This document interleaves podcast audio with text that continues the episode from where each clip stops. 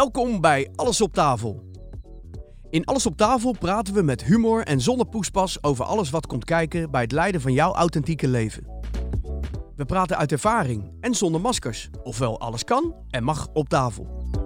Centraal staat een thema en regelmatig hebben we inspirerende gastsprekers. Hiermee willen we jou inspireren je eigen super vette, dikke, bezielde pad te bewandelen. Ja, zeker. Daar zijn we weer. Een nieuwe podcast eh, van de serie Alles op tafel. Eh, met natuurlijk naast mij Lotte? Lotte. Ze is er, ze is er weer bij. En natuurlijk met mij eh, Ramon. We hebben voor vandaag een hele speciale gast. Hij heeft plaatsgenomen in de Love Seat. En meer dan ooit zal vandaag deze Love Seat zal, ja, toch wel een hele hoop spraakwater doen op, op mogen opborrelen. Eh Lot, hoe ben je vandaag opgestaan? Eh, goed. Ja? Ik ben direct gaan studeren. Ik ben weer aan de studie. Ik ben weer met een opleiding begonnen. Oh ja, tuurlijk. Wat, wat studeer je? Eh, opleiding tot integratieve kindercoach. Wauw, kan je dat... Kindercounselor moet ik eigenlijk Wat betekent integratief? Integratief betekent dat je zowel met de binnen- als de buitenwereld van het kind werkt. Oké. En dat je eigenlijk op zoek gaat naar het kind centraal stelt. Ja. En het kind helpt in het eh, oplossen van zijn haar probleem. Oké. Ja. Mooi, mooi. En binnen en buiten moet ik daarbij voorstellen dat eh, zeg maar het psychische aspect, maar ook eh, ouders, komt dat ook aan bod? Ja, er zijn natuurlijk altijd omge- of, eh, factoren in je omgeving die van invloed kunnen zijn op het probleem. Ja. En soms zijn er bepaalde zaken gaande binnen jouzelf. Ja. Dus afhankelijk van het probleem ga je met beide of een van de twee aan de slag. Oké. En hoe lang duurt die opleiding? Twee jaar. Twee jaar. Nou, je weer van de straat. Yes. Oké. Ehm, ik denk dat het goed is om eh, eventjes een eh, bruggetje te maken naar eh, onze gast van vandaag. Ehm nou ben ik hem Zo. even kwijt. Nou, dat maakt niet uit. Pak ik hem over. Ja, toch pak jij hem gewoon lekker, Ja, even, even hem lekker gewoon over. over. Helemaal goed. We gaan, jou, eh, we gaan wat vragen stellen aan onze gast. Lekker snel. Mooi. Komt-ie. Ja? Nummer één. Oh, oh ja, dit, deze was kwijt. Deze knop was kwijt. Wat is je naam? Alessandro Bruti, roepnaam Sandro. Hoe dat klinkt, hè? Heerlijk. Geweldig. echt. Ik ben weer terug. Hoe oud ben je? Ik word eind dit jaar 50 lentes oud. Vijf. Dus het is... eh, Feestje. 69. Een Wauw. 69er. Wauw. wow, wow, wow, wow. Goed. Jawel. Ga je het groots vieren? Nee. Nou ja, groot. We- ja, eigenlijk eh, voor, voor mijn doen. 300 Ik- mensen. ik- nee, Klein. nee, nee, niet in die zin. Maar als er maar muziek is, Ja. eh, eh, fijne mensen om me heen en whisky, dan ben ik klaar. Oké, waar woon je? Ik woon op Scheveningen, eh, vlak bij de Haringkade. Ja. Wie zijn je vader en je moeder? Mijn moeder is Hendrika Maria van Vianen, geboren te Den Haag. En Ja. mijn vader is Urbano Bruti, een boerenzoon uit Midden-Italië. eh, die hier ook al heel lang is, al eh, 50, 60 jaar in Nederland. Geweldig. Ja, ik heb natuurlijk wel eens horen praten. Ik vind het altijd weer een, eh, een feest om die man eh, te horen praten. Eh, waar kunnen we jou van kennen?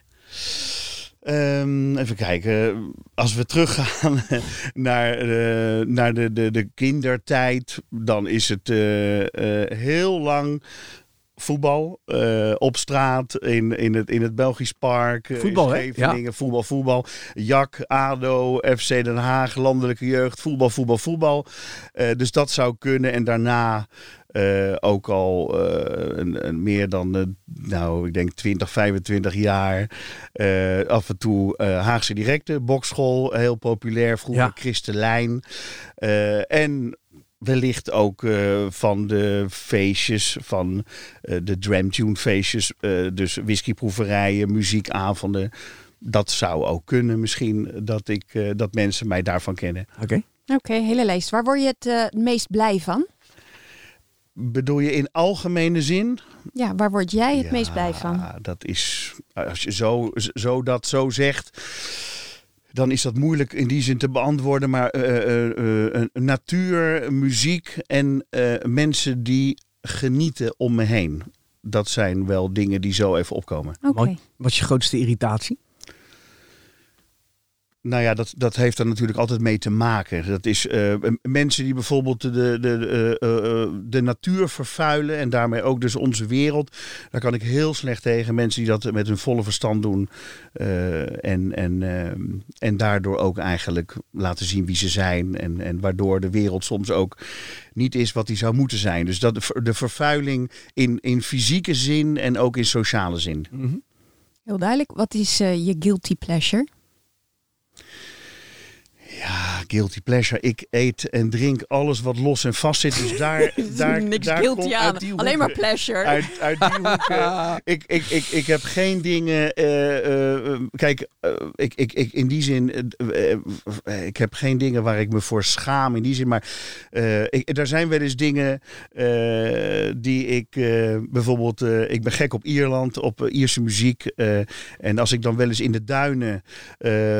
op mijn Ierse fluitje. eh, fluit voor de wereld die we zien en de wereld die we niet zien. Hè. En dan heb ik daar ook eh, over eh, eh, het, het elfenrijk en de kaboutertjes. Hoe, hoe stom dat ook klinkt, maar die, die, die, die zijn er in mijn beleving wel. Eh, eh, en dat geeft ook aan dat we heel veel dingen niet zien, maar wel voelen. Zoals alle mooie dingen. Ik bedoel, dat is iets wat ik voor vrienden hou. eh, en voor jullie vandaag. Geweldig man. Nou, ik, maar ik. Dat zijn dingen daar, waar, ik, waar ik weet, daar moet je, eh, weet je, dat, dat, daar moet je voorzichtig mee zijn. Mensen hebben daar geen, altijd, niet altijd een duidelijk beeld bij. Snap ik. Hey, strikvraag. AS Roma of ADO? Fuck, dat is een hele zware jongen. ik denk toch ADO. Oké, heel mooi. Laatste vraag. Pannenkoek of pasta?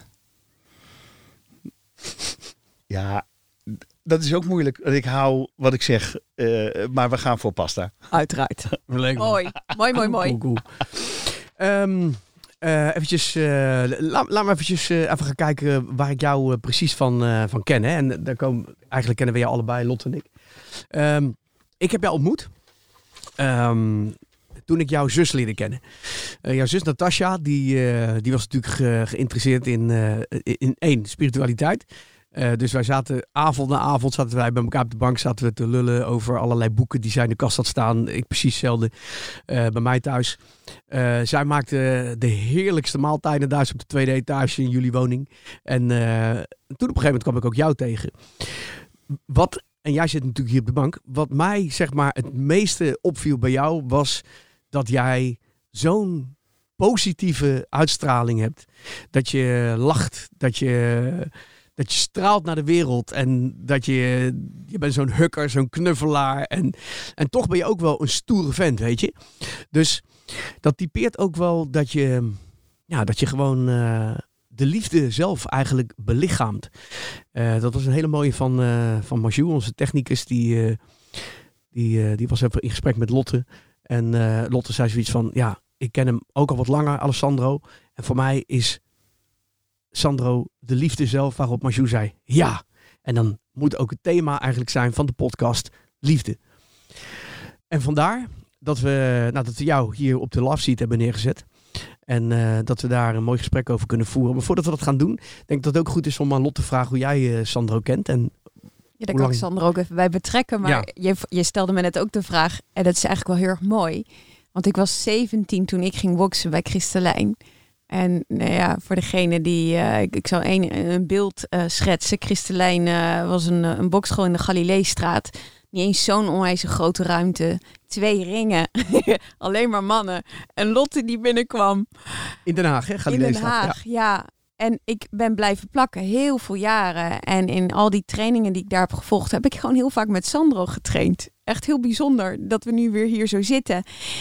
En ja, zoals ik Sandro ken, eh, zo, zo ken ik hem nog steeds. Als eh, vriendelijk, liefdevol, warm. En, en dan zeker dan ook in die context van die bokschool, waar je dan als enige vrouw rondloopt met al die stoere mannen Ja.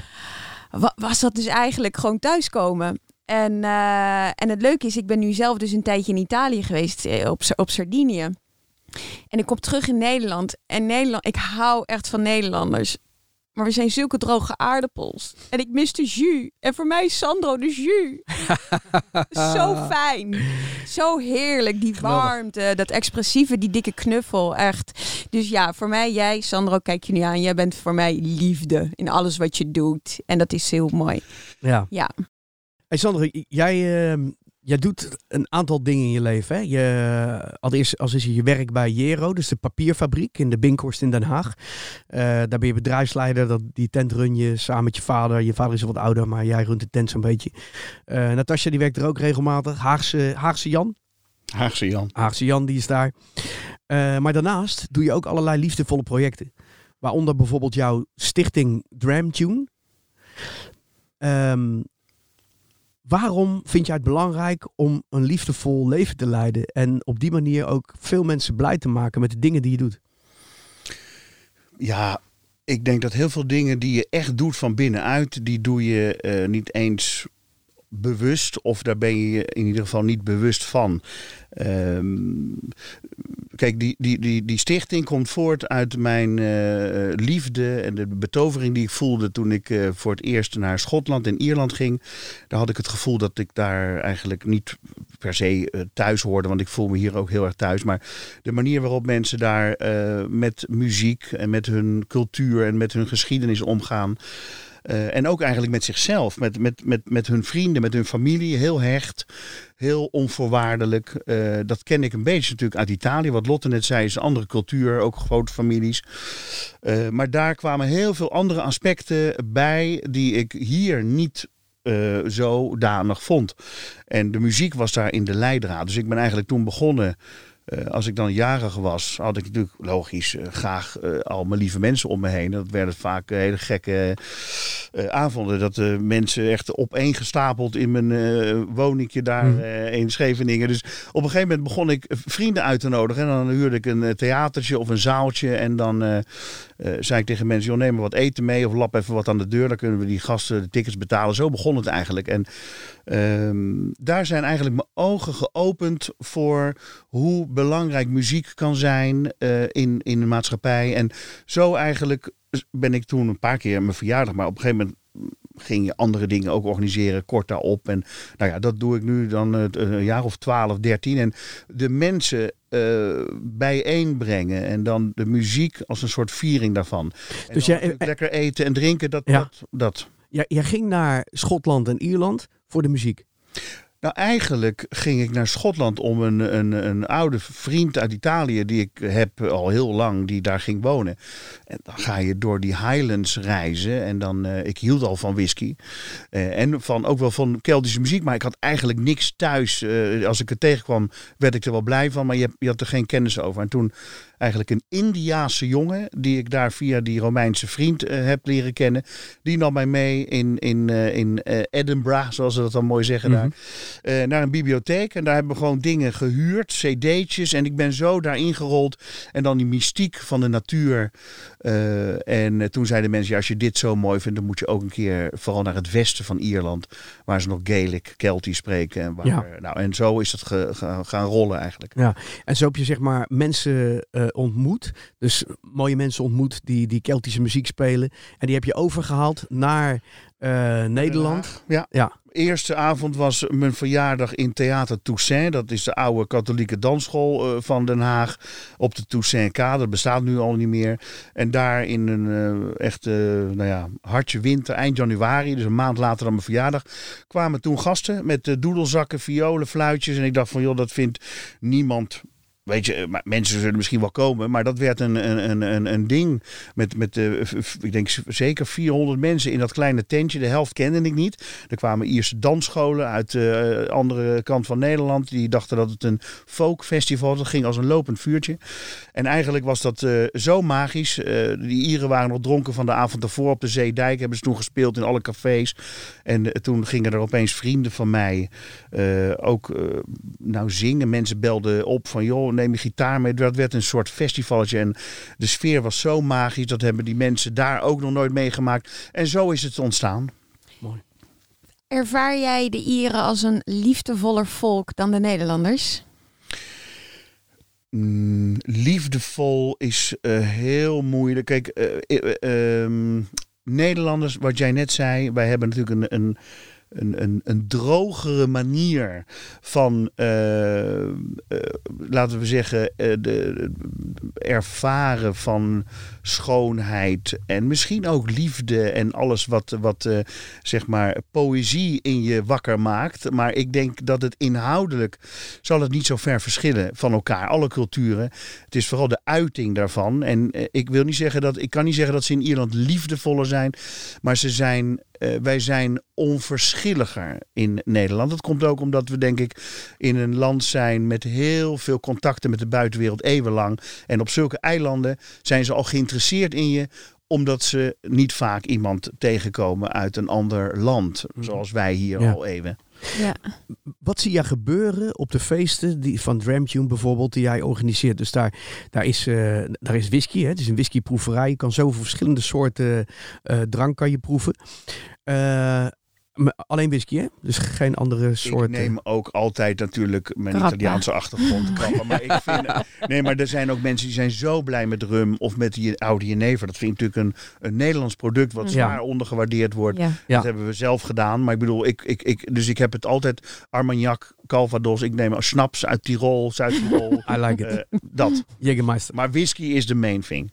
Wat gebeurt daar? Ik bedoel, ik, ik, heb, ik heb het natuurlijk een paar keer meegemaakt. Eén uh, uh, keer sowieso bij de theetuin in het Westbroekpark. Dat vond ik magnifiek. Dat daar ook een DJ gewoon vinyltje staat te draaien. Dat op een gegeven moment die band uh, staat op te treden. Ik vond het geweldig. Um, maar kan je voor de mensen beschrijven wat jij probeert, dus qua verbinding neer te zetten. En wat zie jij gebeuren met die mensen? Nou, je moet je voorstellen, dus waar we het net over hadden, ik, ik had nog nooit iets georganiseerd. Ik, ik bedoel, ik hou van muziek zoals ieder ander, maar ik had nog nooit. En eigenlijk is me dat overkomen. Ja. En uh, dat uitnodigen van muzikanten uit Ierland. Nou, nu, inmiddels zijn er zoveel muzieksoorten en stijlen. Wat je net zelf zegt. Ik vind het heerlijk als zo'n avond dat iemand plaatjes komt draaien. Uh, aan, aan afloop of vooraf of tussendoor. Dus het, het heeft niet een specifiek. Het is begonnen met Ierse muziek. En dan moet er gegeten worden en gedronken. Dat is dan ook allemaal nieuw voor je. En dat probeer je zo goed mogelijk te doen. Uh, dus dan ga je zelf ook proberen dingen te maken. Nou ja, pasta, dat, dat is met de pasta lepel uh, uh, erin gewerkt. dus dat is, dat is maar je gaat het ook omgeven met andere dingen. En wat ik dan zie is eigenlijk dat je iets, iets ontstaat doordat je er niet over hebt nagedacht. Je wil alleen maar die muziek delen. Die liefde voor de muziek wil je delen met, met, met je eigen mensen. Uh, je wil dat die mensen lekker eten, dat ze ook nog mooie dingen kunnen proeven. En ja, eigenlijk merk ik dat de beleving, uh, het delen van de beleving, heeft ook te maken met hoe je iets aankondigt. Niet alleen in je e-mail of op je Facebook bericht uh, of, of in gesprekken, maar ook gewoon op het moment dat zo'n avond zich afspeelt vertel ik iets over de muzikanten. En dat is me wel eens verteld. De manier waarop ik over die muzikanten praat en over hun muziek. Daar zit zoveel respect in van mij naar hun toe. En de, de, de blijheid dat die mensen er allemaal zijn, is voelbaar in ieder woord. Ja, ik begrijp en wat je doet. creëert een setting. Ja. Dat doe ik nog ineens expres, maar het gebeurt wel. En dan uh, ervaar je zo'n avond soms bijna als iets echt, een, ik wil niet zeggen een muzikale hoogmis. Ja, ja. Maar het, zeker in, in, in Casa Bruti en het eigen plekje, daar hebben we het misschien later over. Maar dat kan in feite in iedere dimensie, gaat dat, wordt dat een gemeenschappelijk gevoel. Ja, ja, ik snap het helemaal. En kan jij, daar ben jij dus heel goed in. Nou, ik ben namelijk niet iemand, dat is het gekke. Ik heb nooit de aspiratie gehad om iets uh, bijzonders. Uh, ik wilde gewoon die mensen bij elkaar, ik, die dingen delen. En zeker ook niet praten in, in, in een publieke setting. Dat is niet iets waar ik heel erg naar uitkijk. maar op het moment dat het, dat het gebeurt en je bent vooral helemaal, zeg maar, al meegenomen door, door wat er. Hè, want zo'n avond wordt opgebouwd. Als morgens als je knoflook aan het snijden bent voor de pasta saus, voel je al wat er gaat komen. Zeker. Ja. En, en die hele opbouw die komt dan in een aankondiging. En uh, ja, de, ik, ik weet dan wel dat dat goed is, ook om mensen stil te laten zijn. Want dat is soms wat er gebeurt in andere eh, avonden waar ik wel eens uh, naar, naartoe ga. Dat er gewoon doorheen wordt gekletst. Dat er geen respect is. Niet alleen voor de muzikanten, maar ook voor elkaar niet. En dat is heel vervelend. En dan Ja. probeer ik met zo'n praatje. Haal je daar al een bepaalde sfeer in huis. En dat helpt. Ja. Ik moet een klein beetje ook denken aan eh, wat ik voor me zie zijn de beelden van de Griekse mythe. Dus zeg maar de Dionysische feesten. Eh, en dan niet zozeer op, eh, op, op, op helemaal losgaan en, en eh, heel ruig en weet je wel, eh, op die manier. Maar meer van, ja, drank maakt ook iets los. Hè? Ze zeggen wel eens als iemand een, een drankje op heeft, dan gaat hij de waarheid spreken. Ja. Hè? Dus voor mij staat het ook wel synoniem aan bijvoorbeeld een, een hele diepe meditatie. Waarin ook echt wel gewoon de helderheid naar boven toe komt. Waarin je duidelijk gaat zien wat er, eh, wat Ja. er speelt in je eigen geest. Nou, en als ik Sandro's verhaal hoor, dan is het woord wat bij mij opkomt met name intentie. Ik denk dat op het moment dat de intentie zo duidelijk is in alles wat je doet, eh, nou ja, eigenlijk ontstaat omdat je iets te geven hebt en niet omdat je iets te halen hebt, ja. dat Ja. je dan dit soort avonden krijgt. Want jij zei net, Sandro, ja, uiteindelijk eh, ontstaat iets zonder erbij na te denken. Dat kan dan. Volgens mij mag je dan het vertrouwen hebben en de vorm loslaten. Ja, eh, wat, wat, ik, wat ik vaak voel eh, als zulke dingen gebeuren. Als, er bijvoorbeeld als ik naar eh, een, een, een groep mensen kijk die echt net zo zich betoverd voelt door de muziek op dat moment en door de sfeer. Als, als ik zelf voel, dan is dat.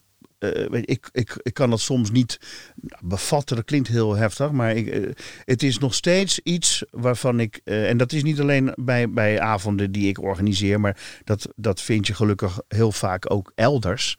Maar het is toch de eenvoud. Waardoor we soms de eenvoud van de schoonheid, eh, wat in de muziek zit eh, en eh, in het eten, in het drinken, maar vooral natuurlijk in hoe je het beleeft.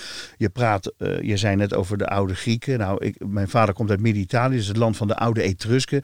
Die handelden en leefden samen met de Grieken. Dat zijn natuurlijk, dat waren beschavingen die we mogen dat woord natuurlijk best gebruiken, eh, op een spirituele manier leefden, maar ook op een spirituele manier ehm, ja, een feest ingingen. Ja. De Romeinen hebben dat natuurlijk gekopieerd. En dat is een veel grotere macho-cultuur. Dat is geen cultuur die gestoeld is op vrouwen, zoals eh, de Etruskische en ook met name voor een groot gedeelte ook de Griekse.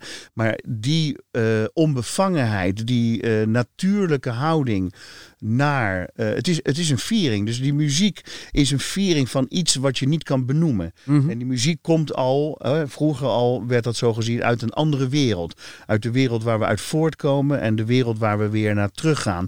En iedere, ieder moment dat we de magie van de muziek voelen, zeker in gezelschap, want we zijn uiteindelijk Zeker. dieren, Zonder mensen... gebeurt er iets ja. heel erg bijzonders wat je niet in woorden kan bevatten. En Absoluut. dat is soms in het klein voel je dat of zie je dat om je heen gebeuren. En dat is magie. En dat is vroeger werd daar veel meer naartoe gewerkt dan nu. Eh, nu wordt het soms zo gecompliceerd om een show eh, op alle niveaus. Mensen die, die zien niet meer hoe eenvoudig de natuur je eh, gelukkig kan maken. Of één noot in de muziek je in extase kan brengen. En die puurheid, dat teruggaan naar de oervorm, dat was in de oudheid natuurlijk een kunst. Snap ik. Ja. En dat is tegenwoordig moeilijk te vinden. Oh, ik had een andere vraag. Moeilijk te vinden. Kan je een voorbeeld geven? Eh, in hoeverre het moeilijk te vinden Ja? is, nou ja, het is Wat je om je gewoon. heen ziet? Het, het, het is om je heen, is die beleving. Kijk maar naar. En ik, ik, het is wel hoopgevend dat bijvoorbeeld dat we ook soms in de muziek en in het eten en ook de drank en ook heel veel dingen gaan we terug naar de basis. Daar is een tendens. Niet Maar blijft, iedereen. blijft, die, Sandro, blijft die basis niet eigenlijk overal aanwezig? Ik bedoel, kijk, de feesten, de, de vorm verandert. Maar in principe is het fundament is precies hetzelfde. Als je kijkt naar de feesten die ik draai, daar is de beleving is eigenlijk precies hetzelfde. Eh, daar komt een hele show omheen met een mega grote bühne, met danseressen, met eh, eh, elektronica en met licht en geluid en noem het maar op. Vuur. Maar in principe is de basis hetzelfde. Nou ja, de, ik bedoel, uh, precies wat jij uh, doet met muziek. Kijk, het, het, het, gaat om hoe het aankomt. Dat is het.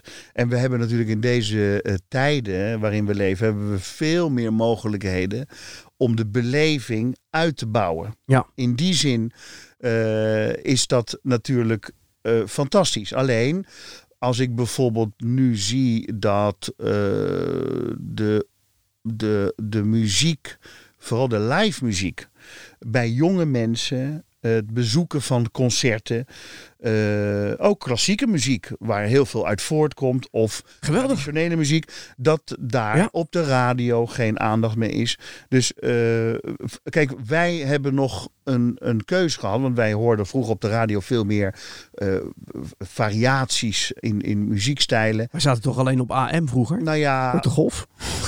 heel vroeger. Maar ik bedoel, nu is het natuurlijk, als ik zie jongens die ook bij ons op de fabriek stage lopen, wat nou, dat is natuurlijk, je, ja, die komen niet in, met heel veel muziek in aanraking. En in die zin wordt dan de magie ook van het akoestisch aanhoren van een, een viool en van de beleving van muziek. En dat is wat ik in Ierland zo mooi vind. Dat, dat kan allemaal naast elkaar leven. En dat mis ik hier. Ja, maar heeft het dan misschien ook te maken met het vermogen tot genieten? Iedereen geniet misschien op zijn manier. Alleen ik denk dat het. Uh, kijk, wat Ramon zegt. Als je voor een stadion en mensen genieten met duizenden tegelijk. Dat is een extase. Die, uh, bij wijze van spreken, uh, die hadden ze misschien vroeger in de oudheid op een bepaalde manier. Maar die is, dat, dat heeft bijna iets kerkelijks. Dat, dat is Zeker. heel moois. Het is, het is een bepaalde vorm van spiritualiteit ook. Hè? Het is een woord. Hè? Ik bedoel, het is ook een, ook een woord die je eigenlijk niet hoeft te benoemen. Maar wat is het nou precies? Uh, bijvoorbeeld als je met z'n allen het volkslied zingt voor een wedstrijd van, nou ja, in dit geval Nederland zelftal, wat dan ook. Kijk eens wat er, wat er gebeurt met, uh, met het stadion, met de spelers, met iedereen eigenlijk. Ja. Ik krijg altijd kippenvel als het Wilhelmus wordt gespeeld. En ja, weet je, je wordt eigenlijk, en dat is dan een, hele cliché-uitspraak van de, Griek, van de Grieken.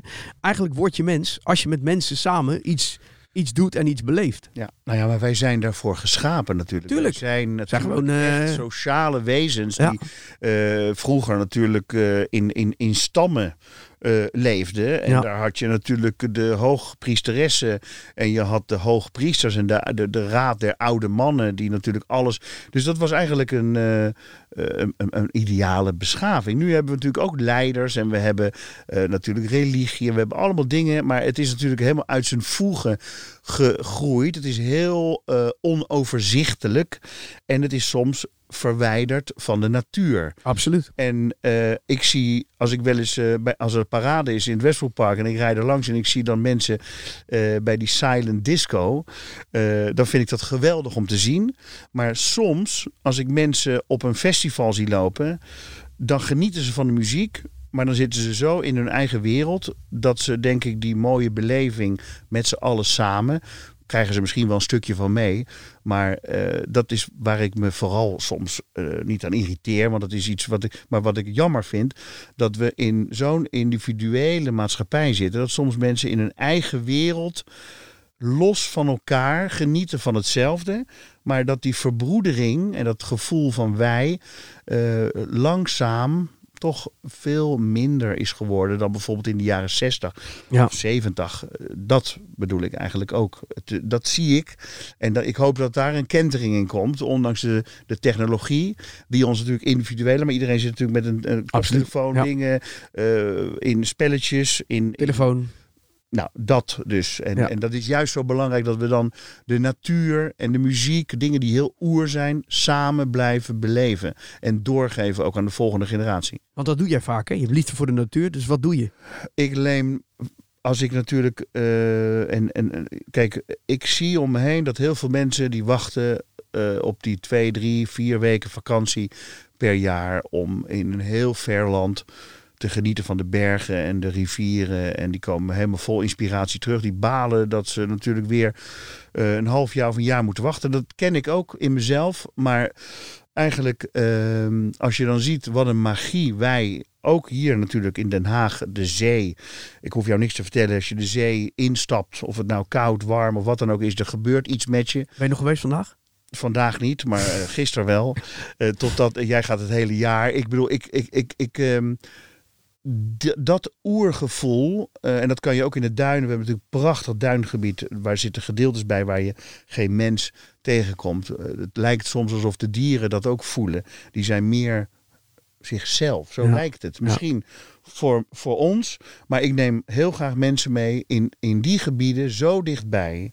Waar een magie en een rust heerst. Waar soms mensen dus heel ver voor reizen. Uh, ik ook misschien. Hè, maar ik bedoel, ik, ik, ik stop gewoon. Als ik door Duitsland rijd naar Italië dan moet ik uitkijken, want ik kijk dan bossen in terwijl je met 140, 150 rijdt. Heel herkenbaar. En soms zou ik in ieder bos even willen zijn. En af en toe doe ik dat. Ja. Dan stop ik, dan ga ik de autobaan af en dan rij ik helemaal om om op een gegeven moment uh, in een bos met mijn Ierse fluitje even weg van het verkeer, even die rust te vinden. En als ik dat kan delen met mensen uh, en mensen delen dat met mij, dan kan je mij niet gelukkiger maken. Mooi. Dus eigenlijk ben je wel een man van het hier en nu. Jij kan hier op je plek zijn in Scheveningen en je hoeft niet speciaal, want jullie hebben ook een huis in Italië waar je regelmatig nog uh, terugkeert. Je hoeft niet speciaal in Italië te zijn, of? Nee, in Italië, uh, als, ik uh, in Italië, waar wij vandaan komen, waar mijn vader vandaan komt, waar we onze familie, wij kijken uit op een heel mooi, heel groot vulkanisch meer, waar vroeger dus de oude Etrusken hun, dat was hun het heilige der heiligen. Ik voel daar een magie maar die wel heel erg beladen is met dingen uit de oudheid. Daar is de Etruskische beschaving door de Romeinen overheerst en ook voor een groot gedeelte verwoest. Daar, het is het land van het Vaticaan geweest. Het Vaticaan was vroeger heel Midden-Italië bijna. Dus overal heb je kerken, tempels, heel vol. Het is vol met oude, mooie dingen, maar ook met hele sterke energieën. Zo'n groot meer. En dan kom ik terug in Nederland. En dan is die natuur niet te vergelijken, maar de natuur hier is neutraler. Mm -hmm. De natuur is natuur. Als ik door de Bierlap en de Keivhoek achter Mijndel... Het zijn uh, gedeeltes in de duinen. Gedeeltes ja. in de duinen waar je dan een jaarkaart... maar dat is, weet je, dat, dat is het meer dan waard. Als ik daar loop...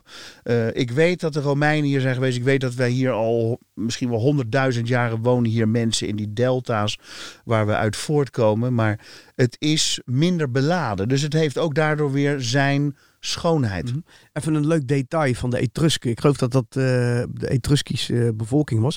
Klopt het dat de vrouwen een harem hadden, een harem mannen?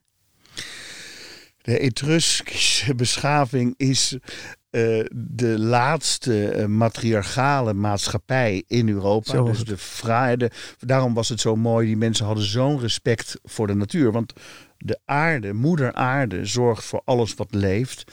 Uh, onze voorouders leefden niet, of gingen niet naar de hemel zoals wij naar boven kijken, maar het Griekse Gaia. naar beneden. Ja. Dus onder ons was niet de hel, nee, onder ons waren uh, onze mensen. Daar kwamen we eigenlijk vandaan. In de hemel woonden de goden. En wij gingen terug. Daarom waren grotten en spelonken en ravijnen voor hun heel heilig. En dat zou het voor ons ook moeten zijn, denk ik. Mhm. Vaak, uh, uh, ja, dan, dan eigenlijk uh, slaan we daar geen acht op. maar het is natuurlijk, het, het, voor hun was dat de binnenkant. Het was de, de, de, het, het binnenste van, van onze moeder, eigenlijk. Waar je dus naar terug gaat. Mm -hmm. en in, in, in die zin uh, leer je heel veel natuurlijk van zo'n beschaving. En ook in, in uh, om terug te komen op jouw vraag, de vrouw. Uh, gaf bij wij buiten dat ze een, een harem aan mannen kon hebben. Kijk, de, de Romeinen hebben ook heel veel gepikt van die dingen. Maar dat was veel plastischer. Veel vanuit de mannenwereld bedacht. Ja macho-cultuur. Als je het aan vrouwen overlaat, dan wordt liefde, maar ook het, het, de liefde bedrijven, wordt iets heel subtiels. Dat wordt iets uh, zonder. Uh, zonder zeg maar randjes of zonder over de rand heen te gaan eigenlijk. Uh, mannen zijn natuurlijk ook, hè, met, met, je hebt uitzonderingen, maar uh, als, als een vrouw de liefde leidt, en de man die volgt haar, dan krijg je iets heel moois. Want de vrouw Eens. heeft een sensualiteit Is dat ook die, zeg maar die, die, die alleen maar een Ja. vrouw kan hebben. is dat ook zeg maar de uitspraak die vaak wordt gedaan achter een eh, hele succesvolle man staat meestal een hele sterke vrouw?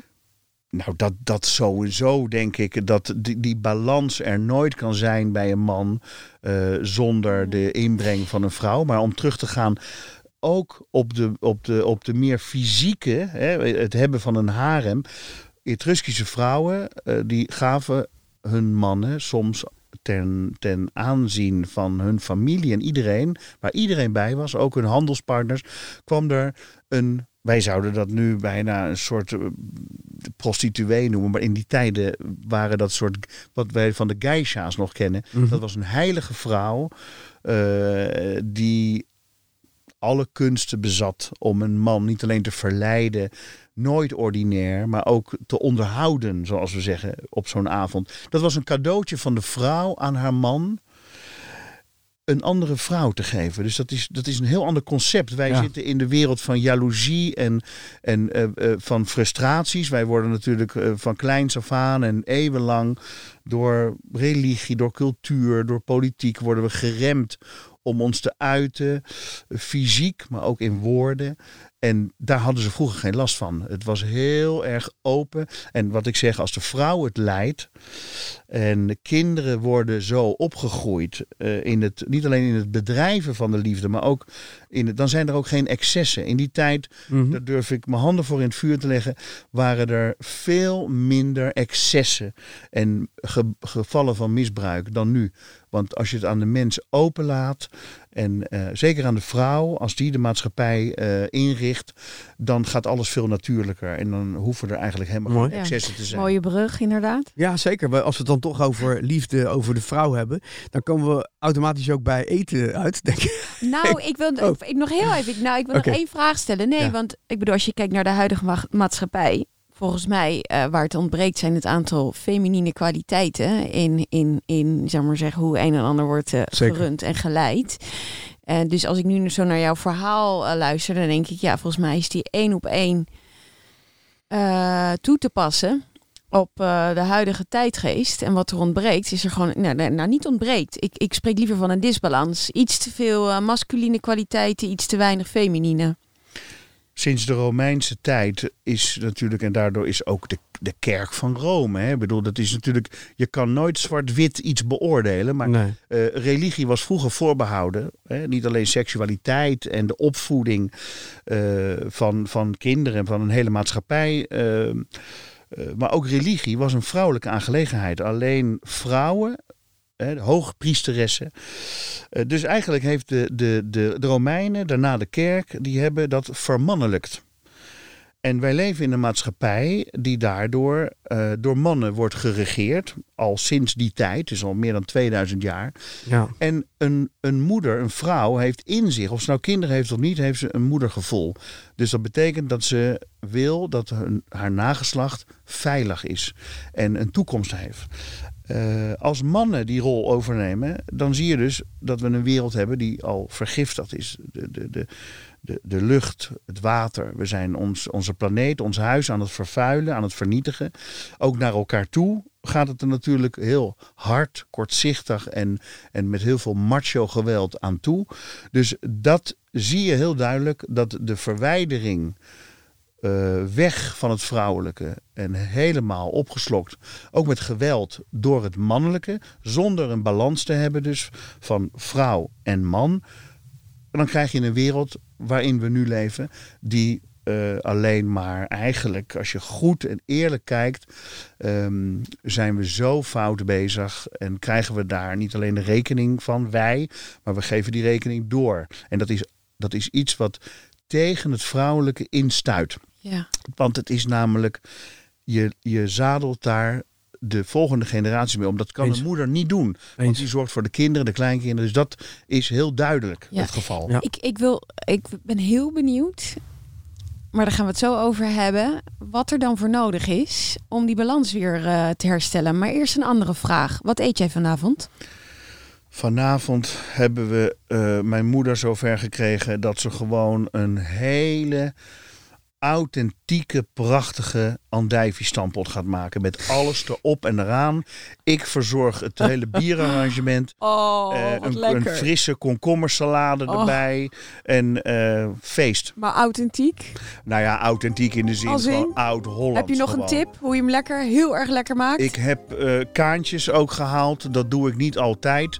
Maar dat, toevallig kwam ik bij een goede slager en die heb ik maar meegenomen. En dan mijn zusje kan heerlijke gehaktballen maken. Mijn vader is een, een specialist in het vinden van het beste vlees. Dus daar komen waarschijnlijk misschien wel Ierse runderlappen waar je u tegen zegt met een jus waar je van droomt. Dus het wordt een, eh, een ding. Wordt een ding. Kwelling. Ja, ik wil ding. het eten. Eigenlijk hoeven we niks meer te behandelen, Lotte. Of? Nee, helemaal niet. Daarom stelde ik die vraag, joh. Nee, je kan niet tegenop. Nee, hè? Punt. Punt. Eigenlijk normaal gesproken zou Lotte die zou dus eh, nu met dit muziekje... Iets over eten zeggen. Ja, maar ja, ik zit hier met eh een, een Professional. eetgoeroe tegenover Ja, me. ja. Daarom. Nee. Inderdaad. En dan ook lekker hutspot eten. Heerlijk. Hij eet elke dag pasta, maar vanavond hutspot. Goddelijk. Ah, geweldig. Oké. Ehm, Ja, ja Die balans. Balans, hè? Ja, ik, ben er, ik ben nieuwsgierig hoe jij daar naar kijkt dan. Hoe, eh, Oké, hoe breng je die balans weer terug? Hoe zorgen we voor meer vrouwelijkheid, meer liefde, laat ik het maar even zo zeggen. Zijn we op de goede weg met bijvoorbeeld een Angela Merkel? Nou, is misschien stikvraag. eh. Nee, ik bedoel, het is natuurlijk. eh, kijk, in zo'n wereld waar het, het mannelijke. eh, ten eerste het vrouwelijke heeft onderdrukt en weggecijferd. eh, dan Angst? Word, nou, je wordt bijna wantrouwig naar de vrouwen die dan boven komen drijven als leiders. Want eh, betekent dat dan eh, dat zij het eh, vrouwelijke weer terugbrengen? Of zijn zij in zo'n mannelijke wereld opgegroeid en klaargestoomd dat ze eigenlijk de echte vrouwelijke kwaliteiten die nodig zijn, eigenlijk verloren Dat. zijn? Of eh, ze zijn er gewoon uitgewerkt.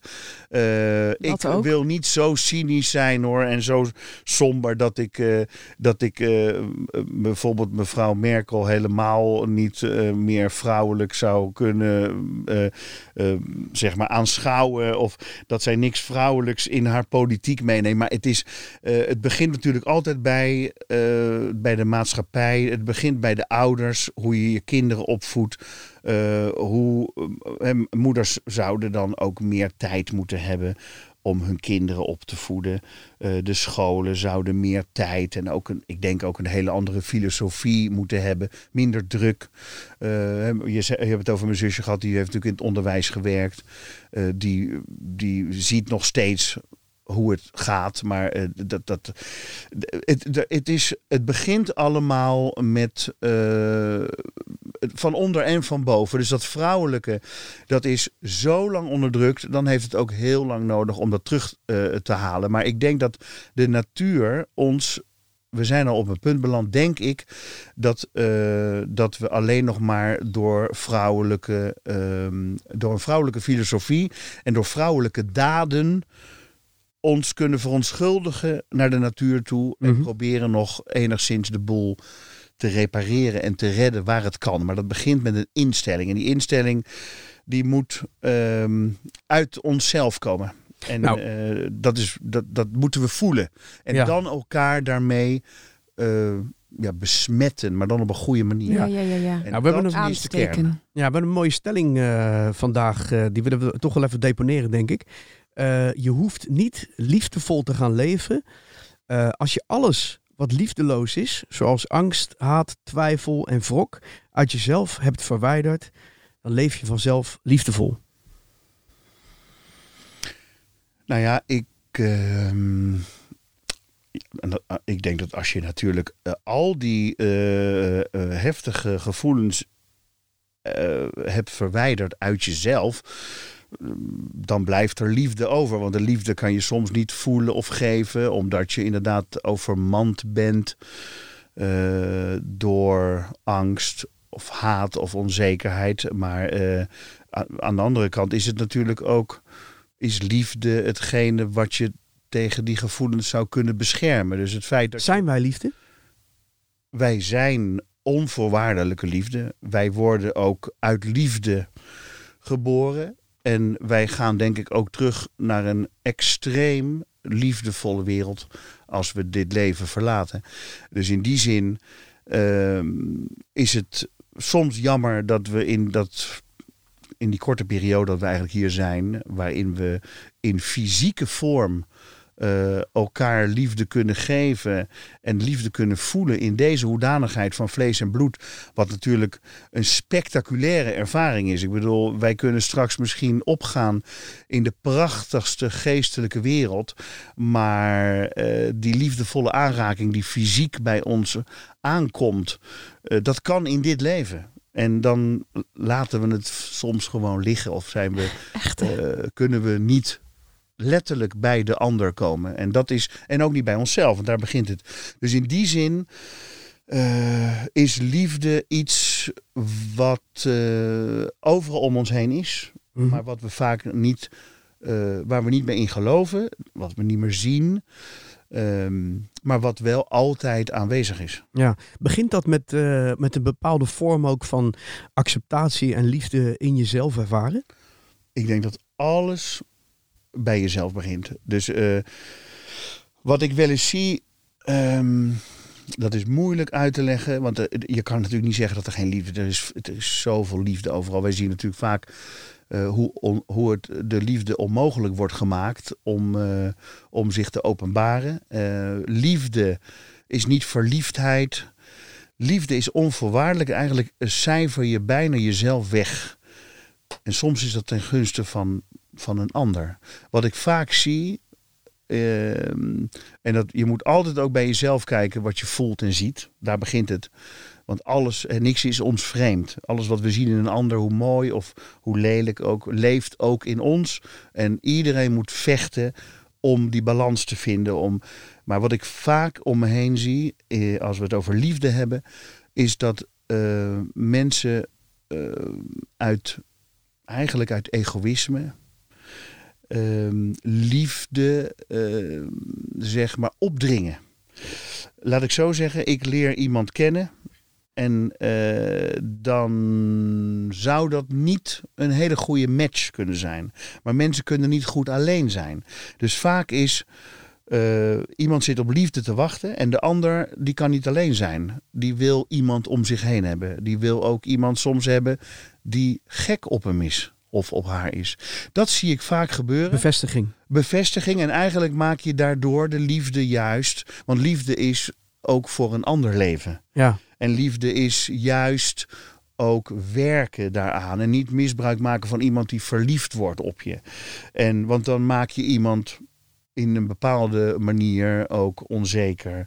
En uh, als dat verder gaat, angstig om relaties aan te gaan. Daarom zie je zoveel mensen die alleen zijn. Uh, soms is dat niet een keuze, is dat, komt dat voort uit een angst. En dat is omdat mensen niet uh, zich kunnen inbeelden in de ander. Je moet je inbeelden ook in degene die verliefd is op jou. En dan moet je je inbeelden hoe zij jou ziet. En dan is iedere ieder gebaar, ieder woord zou je moeten afwegen. Uh, ook als dat iets is wat misschien niet in je zit. En dat, die, um, dat verplaatsen in een ander, dat is de sleutel tot alles. En zeker tot liefde. En dat ontbreekt vaak. Hoe, hoe doe jij dat in je, in je relaties? Uh, heb je een partner? Op dit moment geen partner. Nee. En, uh, dat is niet een keuze van, nou, ik, uh, dat, dat, dat, dat zou kunnen, maar dat is niet het geval. Ik sta open voor, in die zin, liefde in, in, in zijn totale vorm. Mm -hmm. Maar wat ik vaak, daarom uh, vertel ik dit ook, vaak, vaak, het komt voor dat je iemand leert kennen waarvan je weet, ik voel dat dat niet iemand is waar ik bij wijze van spreken, uh, nou ja, een langdurige relatie mee zou hebben.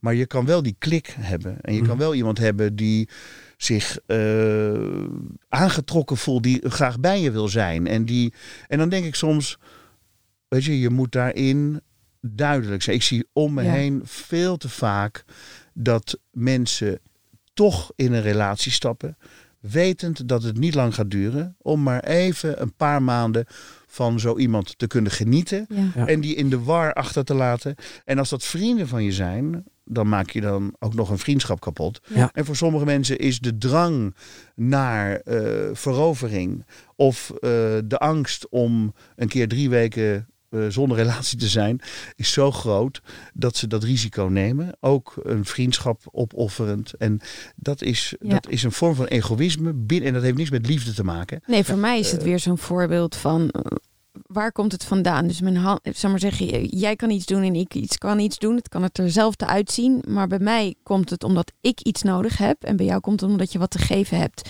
Dus dat is weer die intentie en dat kan echt het verschil bepalen. En dat is ook het verschil tussen de mannelijke en de vrouwelijke benadering. Ja. In die zin kom je dat natuurlijk nog steeds tegen. Dat hoef je niet voor terug naar de oudheid. Eh, wij moeten gewoon. eh, wij hoeven niet terug naar een traditionele maatschappij van mannen en vrouwen. Maar dit, het is natuurlijk, je moet wel je realiseren dat je eh, als jongen niet eh, de gevoelens van, van, van een vrouw hebt. Nee. Maar je moet je er wel in verdiepen. Want dat is ook je eigen geluk. Hoe doen we dat? gekke is, Hoe kunnen wij onszelf verdiepen in een vrouw? nou, ik denk dat als je natuurlijk. Kijk, als je een relatie aangaat en je bent niet bereid om voor elkaar te leven. Eh, niet alleen met elkaar, maar dus ook hè, als, als, als jij vanavond zaggerijnig bent en je bent mijn vrouw of mijn man, dan kan ik gewoon eh, me omdraaien, de deur uitgaan en de kroeg in. Eh, dat kan ook een keer gebeuren en dat kan honderd keer gebeuren. Dat is niet een drama. Maar de onverschilligheid die daarachter zit. en de, de, de niet-bereidheid Tot om communicatie. te helpen. Ja. Want jij bent toch degene met wie ik wil leven. Dan, dan, dan moet je in eerste instantie moet je op, van elkaar, eh, eh, op elkaar kunnen, kunnen steunen.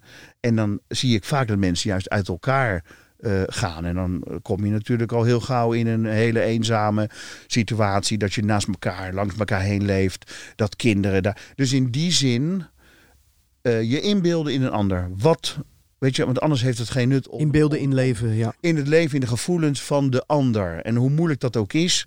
eh, ik denk dat we in deze tijd zoveel informatie en zoveel vrijheid kunnen ervaren. Ook aan kennis. Eh, dat we nooit kunnen zeggen dat wist ik niet of daar kon ik geen rekening mee houden. Ik vind dat heel vaak mensen het zich te gemakkelijk Ja. van afmaken. Heel gauw een relatie beëindigen. Heel gauw ook eh, misschien vreemd gaan in een relatie. En ik bedoel, daar komt altijd komt dat ergens uit voort. Maar de bereidheid om voor een relatie, voor elkaar te vechten. En dat, dat hoeft nog ineens meteen vechten te zijn. Gewoon eh, inlevingsvermogen in een ander. Niet alleen in een relatie, ook in vriendschap. Ook in, ook in zaken doen. Het is, het is iets wat op alle fronten, als ik met jou zaken doe en ik wil jou iets verkopen of jij verkoopt mij iets, ik moet mij ook kunnen inleven in wat jij eigenlijk, en dat klinkt heel idealistisch, in een ideale wereld. En ik zeg dat wel eens met muzikanten waar ik mee werk, eh, technici, mensen. In een ideale wereld hoeft niemand iets te vragen. Als jij iets voor mij gedaan hebt, Ja. dan vraag jij daar iets voor en ik betaal dat. Want jij, dat is vertrouwen. En als, eh, eigenlijk moet iedereen elkaar alleen maar bedanken. Dat is eigenlijk hoe het moet gaan. En dat kan. Als iedereen voor elkaar klaarstaat. Als ik zie dat Lotte vanavond honger heeft. Dan hoeft zij niet te vragen, kan jij wat maken voor me? Dan maak ik iets voor haar. En hoeft zij het dus niet te vragen. Dit is een En beetje zo- het eh, Burning Man eh, concept eigenlijk. Ja? Ja, eigenlijk wel. En, Ja. Maar dat kan je dus door. Dat, is, dat heeft dus met. En dat is met wat we met de wereld eigenlijk ook doen. En we gooien, geloof ik, meer dan de helft van het eten gooien we weg. Ehm, als we de natuur zouden respecteren en we zouden eh, dankbaar gebruik maken van wat ze ons geeft, moeder aarde, en we zouden haar alleen respect teruggeven, dan is er niks aan de hand. Maar wij zijn doorgeslagen juist door het je niet inbeelden in de ander. Eh, en dan gaat het fout, ook in de liefde. Hm, Daar zit dus de sleutel. Daar is de sleutel. mooi. Ehm, als eh, tot besluit. Ehm, ik vind het heel boeiend wat je zegt hoor. Ik, eh, ik hang aan je lip. Ik ook. Ik vind het echt geweldig. Ehm, een van de quotes die, die Lotte heeft uh, uitgezocht. Uh, jij, jijzelf, evenzeer als wie dan ook in het hele universum, verdient jouw liefde en affectie. En die wordt toegeschreven aan Boeddha. Maar wat, wat, wat, hoe zie je dat? Zal ik hem nog een keer doen? Ja. ja? Jij, jijzelf, evenzeer als wie dan ook in het hele universum, verdient jouw liefde en affectie. Nou ja, uh, het opgaan van jezelf in het alles en iedereen, dat is dus eigenlijk waar we het net ook over hadden. Uh, het gaat om het, uh, het compleet weglaten van je ego. Dus jijzelf. In de liefde is dat gif. In vriendschappen is dat gif. In alles. Hè? Jij bent een artiest, ook in wat jij doet. Uh, als je uh, niet beseft dat je een instrument bent van iets groters, wat mensen bereikt, wat mensen gelukkig maakt, en je gaat denken dat jij een stukje God bent op aarde, dan gaat het fout op, op den duur. Dat ziet niemand, maar binnenin. En dat is. Uh, niet dat ik daarmee wil afsluiten, maar ik bedoel, je had het over de Grieken, we hebben het over de Etrusken gehad. Het ging fout in de oudheid toen de beschavingen, ook de Etrusken zelf, hebben die, die, die, die verandering meegemaakt. Op een gegeven moment hadden we niet genoeg meer aan de wereld als heilige tempel. Mhm. Niet de meren en de bergen en de rivieren. We hadden beeltenissen nodig van goden en godinnen. We hadden tempels nodig. We hebben kerken nodig gehad om onze spiritualiteit en, en, en religie eh, te ervaren. En eigenlijk is daardoor de, de figuratie van het heilige. eh, Wij hadden eh, de manifestatie nodig. Dat is eigenlijk het begin van ook het ego van de mens. En dan heb je keizers en pausen en noem maar op, die niet alleen een woordvoerder zijn, of een, maar die soms, hè, nou, dat, kan, dat kunnen artiesten zijn, dat kunnen politici zijn, die zich helemaal lostrekken van alles wat ons gezamenlijk bijzonder maakt. En dan krijg je een, een ego-show. Dus eigenlijk het laatste masker wat je laat vallen is je tussen aanhalingstekens spirituele masker. Spirituele masker, eigenlijk moet je je zo één voelen met ieder mens die je Mhm. tegenkomt. Met ieder eh, eh, voetje, zeker met blijde mensen. Want dat is een kracht. Ja. Eh, maar geef die kracht door aan degenen die het nodig hebben. Niet alleen in, in eten en in muziek en in, in, in whisky, wat ik doe en Ja. wat jij doet. En Ja. wat we, maar in, in een gebaar, in een, in, een, in een woord, hoe onschuldig en makkelijk ook. Het kan voor een ander een, een, een, een moment van vreugde en warmte worden. Wij zijn doorgeefluikjes. Wij zijn verbonden. Dus wij geven alles. Wij zijn op ons best als we alles wat ons eh, heel maakt, blij maakt en sterk maakt, eh, door te geven. Dat is, dan zijn we wie we moeten zijn. Wauw man. Nou, ik, ik vind het... eh, Fantastisch. Mag ik de laatste vraag stellen? Zeker, Laat zeker. het muziekje maar draaien. Als je één advies zou mogen geven, welke zou dat zijn? Aan de luisteraars. Eh, wees ook in het moeilijkste, moeilijkste moment van de dag van je leven. Wees dankbaar dat we hier in dit prachtige leven dingen kunnen ervaren. In, in, in de vorm van vlees en bloed met elkaar. En dat alles wat in ons is en wat we kunnen delen, eh, als heilig ervaren. Dankjewel.